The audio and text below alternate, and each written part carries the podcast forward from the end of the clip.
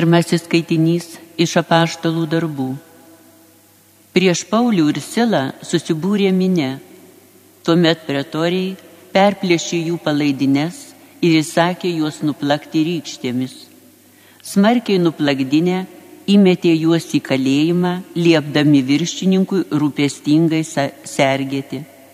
Gavęs tokį įsakymą, viršininkas įgrūdo juos į vidinę kamerą, o jų kojas kad būtų saugiau, įtvėrė į šiekštą.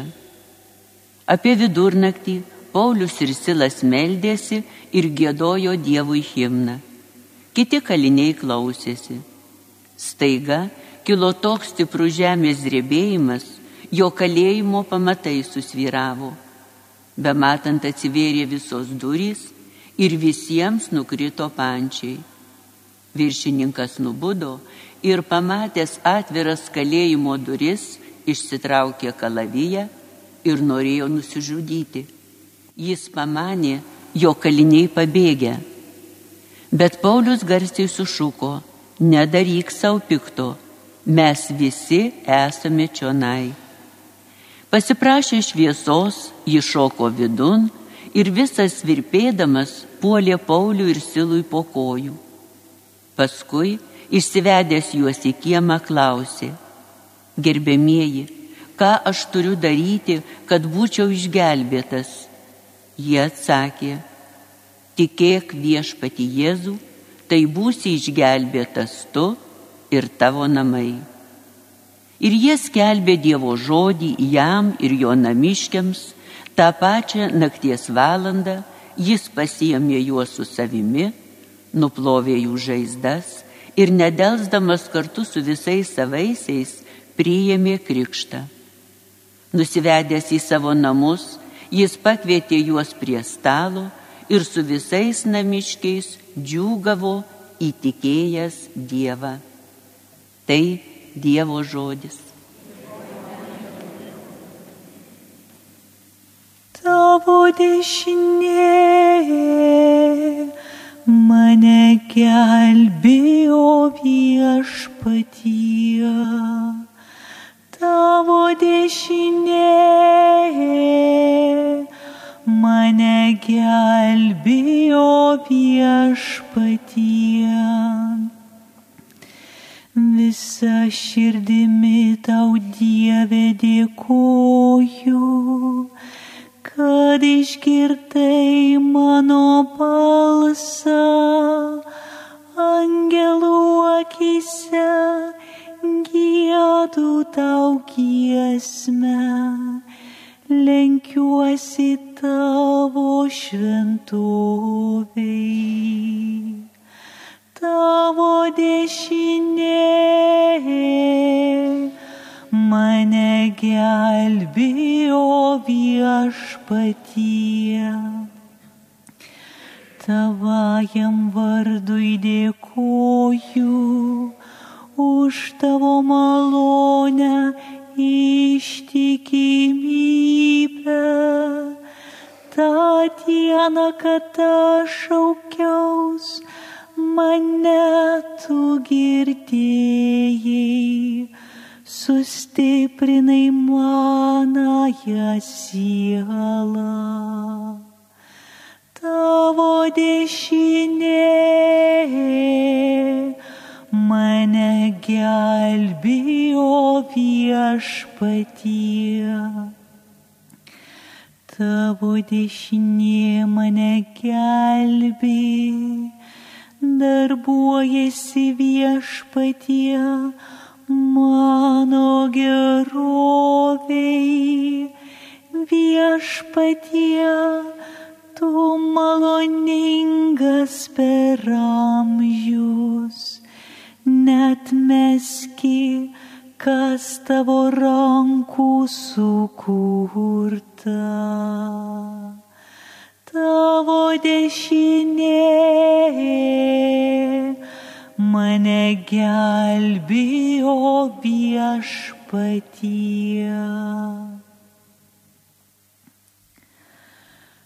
Aleliuja, aleliuja, aleliuja. Alleluja, Alleluja, Alleluja. Aš jums atsiųsiu tiesos dvasę, sako viešpats, jį jūs ves į tiesos pilnatvę. Alleluja, Alleluja, Alleluja.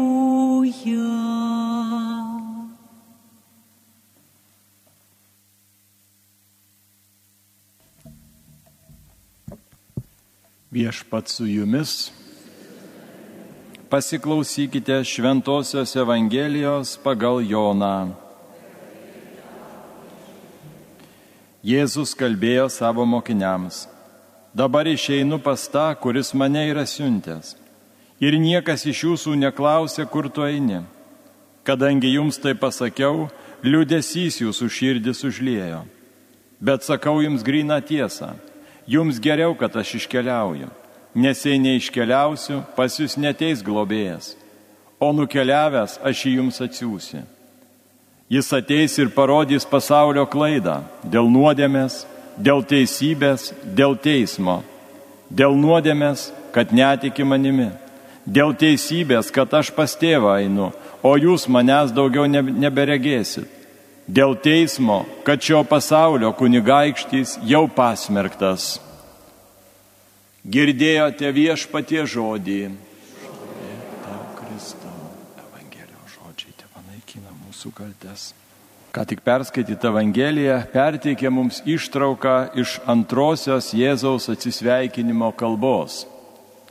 Atsisveikinimo kalbos buvo pasakytos paskutinės vakarienės metu, po to, kai Jėzus nuplovė kojas, bent jau tai pagal Jono Evangelijos chronologiją, nuplovė kojas ir jau kalbėjo apie tai, kad kas jo laukia ateityje, kad jis bus išduotas ir kada paaiškėjus, kad, tai yra, kad išdavėjas yra judas ir šiam pasišalinus, tada Jėzus kaip tik ir sako tas vadinamas atsisveikinimo kalbas. Pirmojoje pranešus apie iškeliavimą, na, natūraliai mokiniai pradeda kelti klausimus. Pirmiausiai Petras klausia, kur eini. Jis nori eiti kartu su savo mokytoju. Taigi nori žinot, kur jis eina.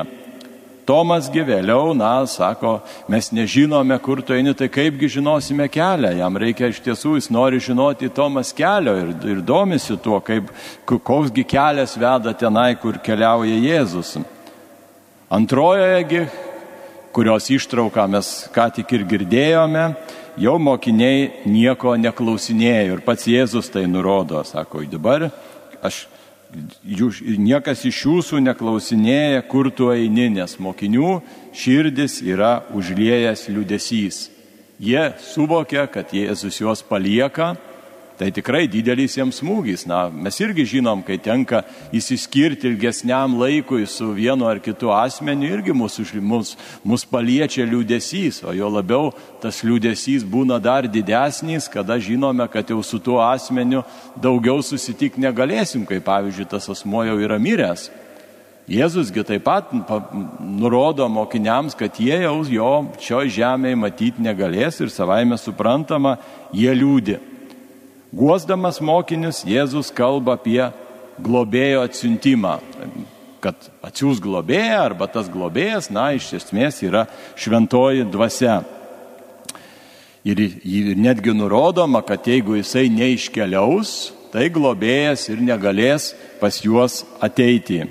Šio pažado tačiau mes neturėtume suprasti tą prasme, lyg globėjas arba šventoji dvasia ateina pakeisti Jėzaus, kad iki to iki šiol veikia Jėzus, darė stebuklus, mokė ir taip toliau, o dabar po jo iškeliavimo jau visą tai vykdys šventoji dvasia, kaip sakant, pilnai jinai pavaduos Jėzų. Kalbama tačiau čia ne, ne apie Jėzaus visišką pasitraukimą, bet jo buvimo bei pasilikimo su mokiniais naują būdą. Jėzus iškeliaudamas, bet, bet iškeliauja ir tuo pačiu pasilieka. Pasilieka būtent veikiant šventai dvasiai. Jau kada jisai prisikėlė iš, iš mirties, na, evangelistai pastebi, kad jis prisikėlė jau sudvasintų kūnų kitokis negu buvo žemiškos veiklos metu, jau mokiniai ne, ne visada buvojo kartu su mokiniais, taip pat ateidavo pas juos pro uždarytas duris, staiga atsirasdavo ir išnykdavo, na, jo kūnas jau buvo sudvasintas. Taip pat, na, tuo nurodoma, kai nuro, kalbant apie tą globėjo atsiuntimą, kad Jėzaus buvimas nuo šiol jau mokinių tarpe bus apspręstas ir sudabartinamas būtent šventosios dvasios, kad tai, kas kaip Jėzus pasilieka bažnyčioje ir, ir, ir joje veikia, tai visa vyksta per šventąją dvasę. Jinai kaip tik tai ir padeda supras švento rašto žodžius, ypatingai Evangelijų žodžius, per kuriuos mums kalba Jėzus. Tai mes girdime Jėzų kalbant per Evangelijas ir visą tą mums padeda supras šventoji dvasia, kur yra tiesos dvasia, veda į tiesos pažinimą. Taip pat šventoji dvasia veikia, kai yra teikiami sakramentai, jinai kaip tik ir sudabartina Kristaus išganingą veikimą.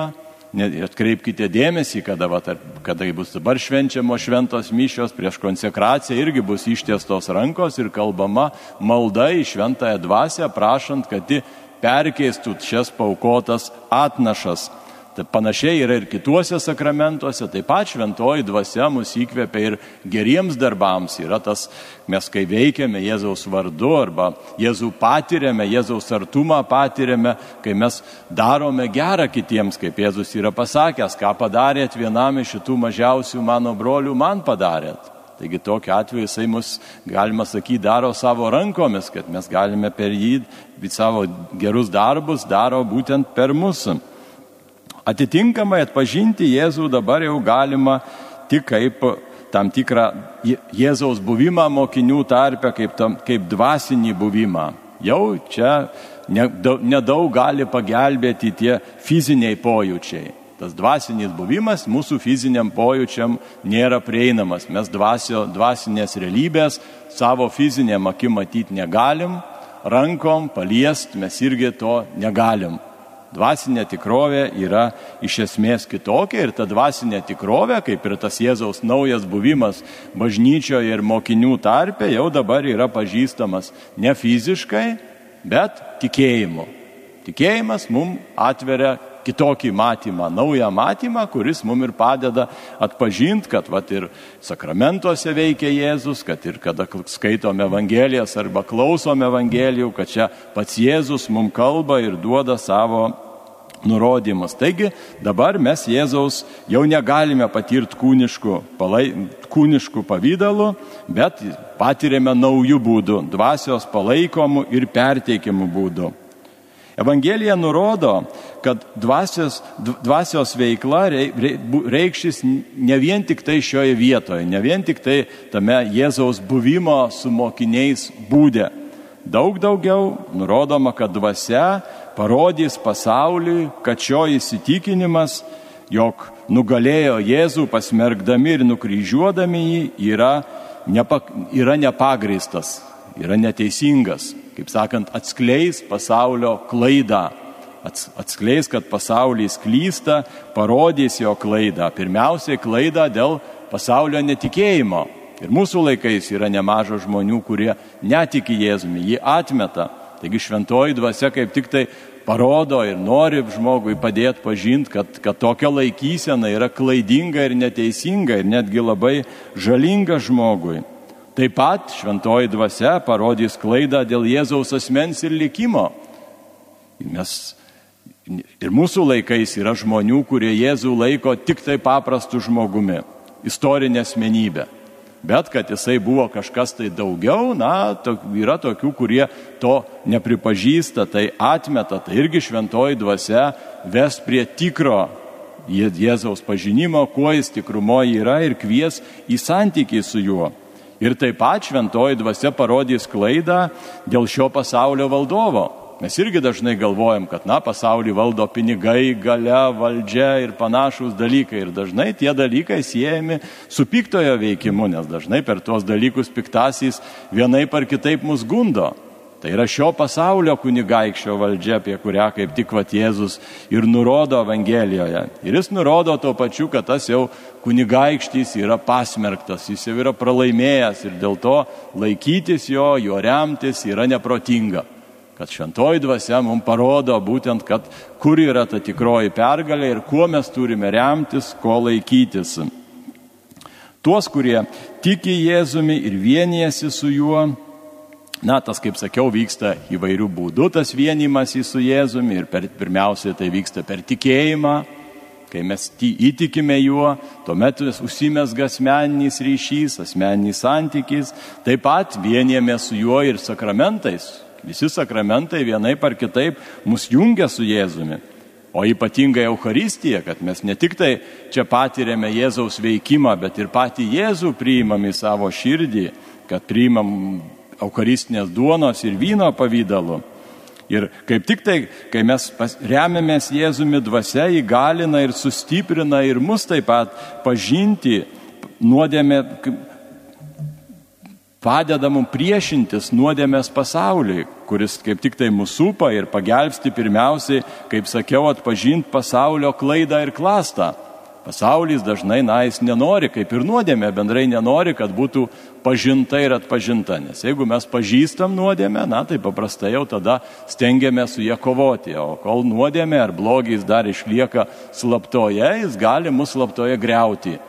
Taigi yra šventoji dvasia padeda atpažinti, atpažintą būtent klastą, kur va, blogis vienai par kitaip bando įeiti į mūsų gyvenimą ar, vien, ar, ar ir tą mūsų gyvenimą paveikti. Taip pat šventosios dvasios veikimas, sudabartinantis Jėzaus veikimą, duoda postumį ir ištvermės atmesti klaidas, laikytis krikščioniškų vertybių. Tikrai kartais tam reikia nemažą, nemažą jėgos ir ryšto, ypač būnant aplinkoj, kur iš tikėjimo yra šaipamas, juokiamas, arba net būna tokių vietų, kartais pasaulyje yra valstybių, kur tikėj, dėl tikėjimo yra persikiojimas, vadinama į kalėjimus netaip senai, va, ir mūsų krašte taip yra buvę, tai, tai čia tikrai va, šventos dvasios veikimas šiose situacijose žmogų palaiko ir duoda jam jėgų. Na, šiaip mes žinome, kad žmogų labiausiai slegia vienatvė. Kada žmogus yra vienas, vienišas, yra tikrai labai sunku ir tada ypatingai susidūrus su sunkumais, Yra nelengva juos, nelengva susiorientuoti ir atsilaikyti, nėra su kuo pasitart, niekas nepalaiko. Ir bendrai, kada va, žmogus yra vienas, jis neturi su kuo bendrauti, dalintis, kalbėtis, tai irgi ta vienatvė vienai par kitaip jį slegia. Šios dienos Evangelijoje Jėzus mums kaip tik ir nurodo, kad mes nesam vieni ir vieniši. Jis visada yra ir pasilieka su mumis ir tai bus iki pasaulio pabaigos. Amen.